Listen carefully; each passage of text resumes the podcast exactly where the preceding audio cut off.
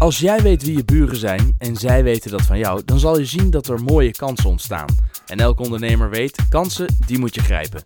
Grijp nou niet mis en ontdek in deze afleveringen met wie jij je bedrijfsverzamelgebouw nou eigenlijk deelt. Wie zijn ze? Wat doen ze? Hoe zijn ze ooit begonnen? Dat wil ik weten. En daarom stap ik met ze in de lift. Ik zeg eh, Nico, van harte welkom in de lift. Vertel, in welk pand eh, eh, moet ik in de lift stappen om bij jou uit te komen? Nou, dat is eh, op Europalaan 100. Ja. Ehm, op de vierde verdieping. Naast de strategiefabriek. Ik kijk altijd heel goed in de lift wie er staat. En meestal als iemand een pak aan heeft of eh post-its bij zich heeft, dan gaat hij naar de vierde verdieping. Ja. Niet naar ons. Degene die geen schoenen aan hebben of een beetje vrij eruit zien, die komen wel bij Social Elephant. Dus Ja, Social Elephant, jouw bedrijf. Jullie zitten op de vierde etage, hebben Ja. daar een hele vleugel. En eh, jullie eh, doen mee aan het programma Hoeveel mensen kan ik op een vleugel kwijt? eh, helaas wel. Ja, want jullie zitten met hoeveel man daar? Ehm, we hebben in totaal nu 48 man rondlopen.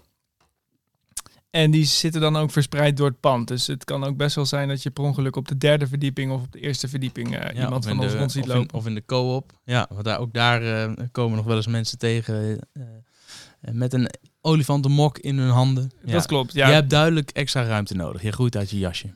ja. Ja. Hoe, Ja. Hoe, wanneer ben je begonnen? Ik ben eh, vijf jaar geleden begonnen. Ik Ja. heb eh, technische bedrijfskunde gestudeerd, veranderkunde gestudeerd. En ik dacht, ik wil nooit bij een corporate werken. Voor de luisteraar, dat was een high five. ja, Ja, ja. waarom niet? Eh, ik, eh, ik heb bij een soort Amerikaans bedrijf gewerkt. Daar zaten zo'n beetje eh 300 man personeel. En het was mijn opdracht om iedereen te leren kennen en te weten eh, hoe mensen in elkaar zaten. Dat ging moeizaam, maar totdat ik de Nintendo's hackte van alle medewerkers en hun kinderen heel blij waren, toen kreeg ik de echte verhalen. En de groep was heel hecht. Iedereen die wilde gewoon echt eh, knallen en ze wilden ook samen iets neerzetten Maar waar liepen ze tegenaan dan? Het Amerikaanse beleid. Hm. Die zei we moeten de cijfers sturen, we moeten deze resultaten halen, we moeten zorgen dat deze productie wordt gehaald. En er hingen gewoon letterlijk cijfers boven mensen hun hoofden. En er waren, en het is geen geintje, er waren ook echt gewoon regelmatig was er ook een hartaanval in de productie. Gewoon van mensen die zo hard op, de, ja, op het niet gelukkig zijn en zomaar moeten produceren. Dat, ja, daar raakt het wel mijn ziel. Ja, en toen dacht je, dit wil ik dus niet. Nee. En toen ben je Social Elephant begonnen. Ja, en toen dacht ik, laten we datzelfde doen en heel veel mensen in één vleugel eh, stoppen. Nee, Hoeveel hartaanvallen zijn er bij jou geweest inmiddels? gelukkig nog niet. Oké. Gelukkig nog niet. Maar je bent vijf jaar geleden begonnen. Je Ja. zit nu met, wat zei je, 48 man. Ja, Ja, daar zit, daar, dat, dat is niet van de een op de andere dag gegaan. Zeker maar niet. ik vind het nog vrij rap, hè, vijf jaar. ja. Wat is jouw succesformule? Eh, dat is een hele goede vraag. Succesformule tot nu toe is geweest investeren in mensen, investeren in relaties, investeren in vrienden. En iedereen die ook, ook maar tegenkomt en ook maar binnenloopt, die kan een potentiële klant zijn of een potentiële vriend. En we zeggen daarbij ook, vriendschap maakt een klein bedrijf groot. Hoe meer vrienden je hebt, hoe groter je bedrijf wordt. Oké, dus, dus, dus niet alleen collega's, het zijn ook gewoon allemaal vrienden van elkaar. Ja. Wat levert Social Elephant nou? Wat is je dienst? Waar verdien je je geld mee? Ehm, ja, vrij recent ben ik een woord tegengekomen wat we eigenlijk doen. Maar dat is echt nog, eh, nog geen uur geleden. Eindelijk, na al die vijf jaar. Ja, en dat is digitale transformatie. Wij helpen organisaties om te snappen hoe de wereld werkt, te snappen hoe de businessmodellen veranderen en te snappen hoe je daarbij moet gaan aansluiten. Dus bijvoorbeeld vroeger was het heel erg normaal om een wasmachine te kopen en die gaat dan binnen vijf jaar stuk en dan koop je een nieuwe wasmachine.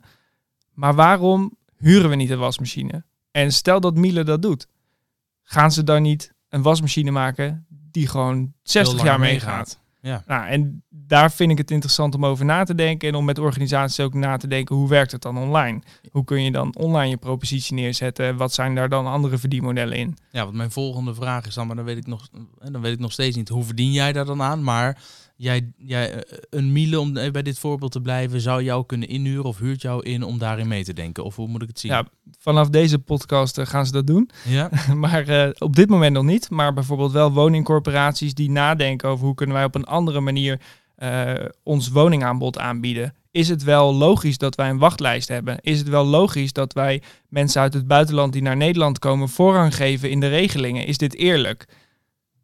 En daar ga ik dan een corporatie bij helpen van, nou, hoe kan je dat nou realiseren? Hoe kan je dat nou in de markt zetten? Welke techniek komt erbij kijken? En hoe kan ik daar dan anders over nadenken? En dat, dat doe jij, zeg je, maar, maar, en dat doe je ongetwijfeld samen. Maar wat doen dan die andere 47 man eh, bij jou op die vleugel?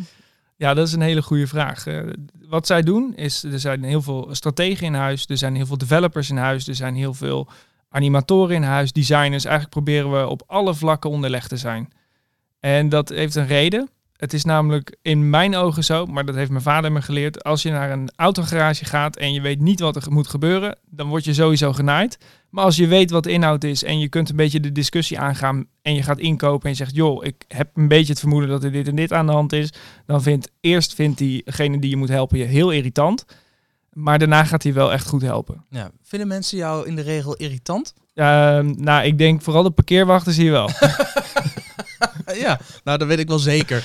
En ik heb een beetje aanvallende manier van communiceren. Ik doe dat niet expres, maar ik vind het wel heel fijn dat ik dan direct in iemands ziel kan kijken en weet hoe die in elkaar zit. Ja, ik moet bij jou nog wel eens denken aan die commercial van Apple, weet je, over de crazy ones. Weet je, ik vind jou, nee, maar ik vind jou ook echt, jij bent de, de, de, de, de mafke en het zijn de mensen die het doen. Ik, jij bent zo'n zo'n ja, zo'n soort, soort online gekkie op sommige fronten. En aan de andere kant ben je bloedserieus en, en weet je precies waar je het over hebt. Maar je bent wel zo'n type waarvan we of over... Ik heb wel eens tegen iemand gezegd, ja, maar Nico is over 20 jaar of de nieuwe Zuckerberg... Uh, uh, of ik zie hem niet meer. nee, maar dan zit ik op een eiland inderdaad. Dan, dan zit ik op een eiland te mediteren, naar de zee te kijken en uh, gewoon even tijd voor het universum en mezelf hebben. Ja, dat klopt. Ja, je hebt wel wat met het universum, hè? Dat mediteren. Dus bij jou niet alleen maar ondernemen als in gas geven, maar uh, ziel, body, ehm, je goed voelen. Ja, 100%. Ik heb afgelopen vijf jaar dag en nacht gewerkt. En ik denk niet dat ik het vol had gehouden als ik niet ook was gaan mediteren en ook niet af en toe eventjes die rust opzoeken. Waar zoek ik? Ik hoorde je net al over boeken lezen en de sauna, maar en, en een eiland door, noem je nu. En ik weet dat je je gaat op vakantie naar Istanbul en naar Marrakesh. Dus je, je zoekt ook, je, je kiest je rustmomenten wel uit. Maar wat zijn voor jou manieren om het vol te houden als ondernemer? Uh, passie. Het voelen dat je het doet voor een goed doel. Het voelen dat je purpose hebt voor de wereld. En het gevoel hebben dat de tijd op aarde kostbaar is. De tijd op aarde is kostbaar en ik ben bepaal zelf en ik ben zelf heer en meester of ik daar wat mee doe. En dat houdt je overeind, dat houdt je gaande, dat houdt je in een soort van flow. En die flow vasthouden, daarvoor is meditatie voor mij heel belangrijk. Want het geeft je een soort rust, een bezieling, een stukje reflectie in dat moment. Als je twaalf uur aan het knallen bent, maar je trekt niet heel even die stekker eruit, dan lukt het ook niet om na te denken van hé, waar was ik nou eigenlijk mee bezig en waarom doe ik dit? En als ik terug ga naar mijn hart, dan weet ik waarom ik dit doe. Ja, het is niet zweverig. Ja, maakt mij wat uit. ja. ja, nee, maar dat is wel. Ja, maar ik denk nou, ik hoor nou, ik hoor steeds meer ondernemers die of uh, uh, uh, zich niet schamen om met een yogamatje onder de arm naar de yoga te gaan, dan, of om te mediteren, of. Maar ik hoor ook heel veel mensen die daarbij toch nog een beetje een soort, soort zweverige associatie hebben. Ja, ik denk alleen dan stel je wel afhankelijk ook, denk ik, van het sociale van anderen. Het gaat er meer om wat voel jij. En voor mij voelt dit goed. En wat een ander daarvan denkt, I don't Lekker give a shit. is dat, hè? Als je, als je die state of mind uh, hebt. Uh, ja, maar dat uh, heeft ook wel wat voet in de aarde gehad om daar te komen. Okay. Daar heeft wel wat pijn overheen gegaan, om eerlijk te, te zijn. Ehm, ik wilde best wel eerlijk over zijn in mijn uh, jeugd. Ik had op een gegeven moment een vriendin en daar heb ik vijf jaar lang mee samengewoond. En die is, uh, daar is gewoon echt iets heel erg tragisch mee gebeurd. En daarna is hetzelfde in mijn familie nog een keer gebeurd voor mijn neus. En dat heeft me wel doen denken van ja, als ik hier dan toch ben, wat ga ik dan doen in, met mijn leven? En dan stel je iets minder afhankelijk, denk ik, van het, uh, ja, hoe een ander iemand over je denkt. Heb jij daardoor, uh, dat gaat meteen wel intens in, maar heb jij daardoor het gevoel dat je eigenlijk al een soort reservetijd zit of zo? Voelt dat zo? Ja, ik ben eigenlijk al overleden en nu gaan we gewoon voor gas. Ja, ik ben, uh, nou ja, maar ik, ik herken dat wel enigszins. Ik heb, uh, toen ik, ik weet, niet, ik weet niet meer, ik was 20 of 21. En toen zijn er ehm, drie jonge mensen, waar twee vrienden en een, en een vriendin van mijn middelbare schooltijd, waarmee ik in de klas heb gezeten. Die zijn verongelukt met een auto voor de trein. En een van mijn, mijn buurjongetjes van vroeger, echt een, een schat van de jongen tegen een vliegkwaad. Die zijn hele leven eerst met, met nierziektes heeft gekampt. Toen eindelijk uh, zijn tweede donornier die geaccepteerd werd. En die is bij een discotheek op zijn bek geslagen en nooit meer opgestaan.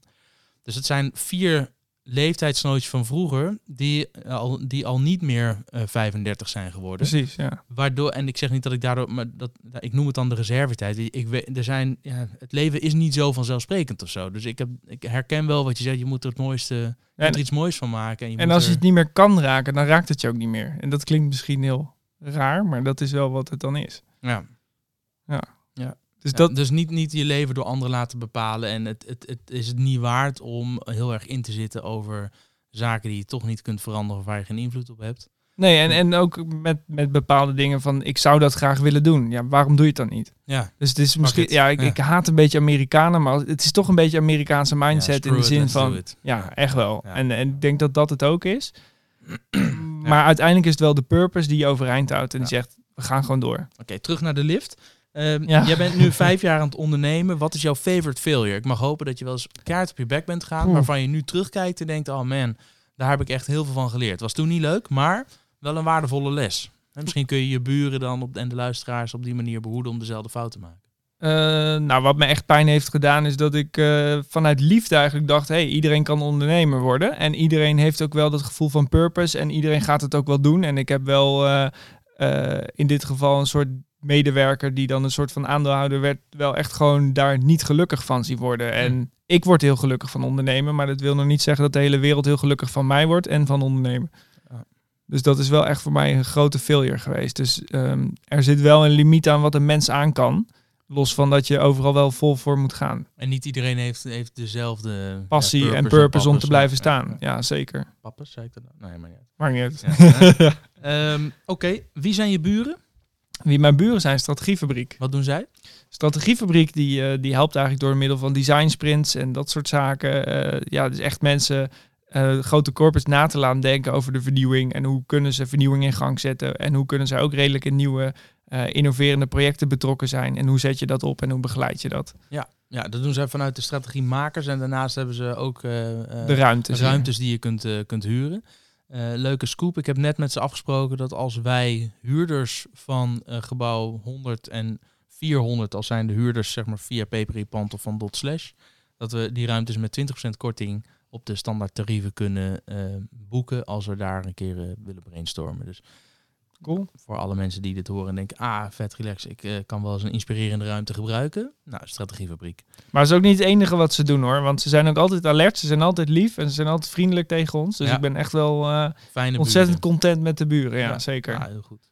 Ehm, partners van Dot Slash, die zijn er. He- eh, heb je wel eens met partners gesproken? Ja, ik- het meest grappige vond ik eigenlijk om te spreken met Deloitte. Want die Ja? begon mij eh, aan te spreken dat we, dat we ze heel goed ons eh, eh, financiële stuk op orde konden brengen voor 200 euro per uur. Ja, dat vond ik wel heel komisch. Want, vertel. Nou ja, goed, in deze fase hebben wij zeg maar geen triple A-status eh, boekhouding nodig. Ik ben nog niet van plan om de tent te verkopen. Daarbij nood nog niet.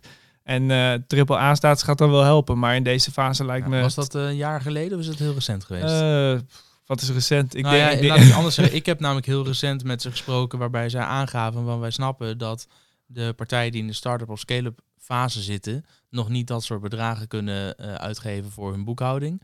Maar als bijvoorbeeld een bedrijf een financiering wil ophalen, dat een stempel van een Deloitte onder hun jaarstukken wel van toegevoegde waarde is. nou, Dus ook we bij hebben- verkopen inderdaad. Precies, dus we hebben wel, gewoon, eh, hè, dus ze hebben gezegd, nou weet je, we, we zijn nu aan het meedenken van hoe kunnen we nou voor de start-ups dan toch van toegevoegde waarde zijn. En aangeboden dat je bijvoorbeeld bij je huidige boekhouder of administratiekantoor gewoon je boekhouding kan laten doen. En dat zij de kolommenbalans opstellen. Dat gaat naar Deloitte. En dan stellen zij vervolgens de jaarrekening op. En dan heb je toch een Deloitte-stempel erop. En dat helpt inderdaad bij verkoop of funding ophalen wel Ja. weer. Dus eh, misschien dat ze dat in enthousiasme in het verleden eh, hebben gezegd. Maar ik weet wel dat ze daar inmiddels eh, zelf ook wel over nadenken. Van oké, misschien moeten we op een andere manier die relatie met de start-ups opbouwen. ja, nee, dat zeker.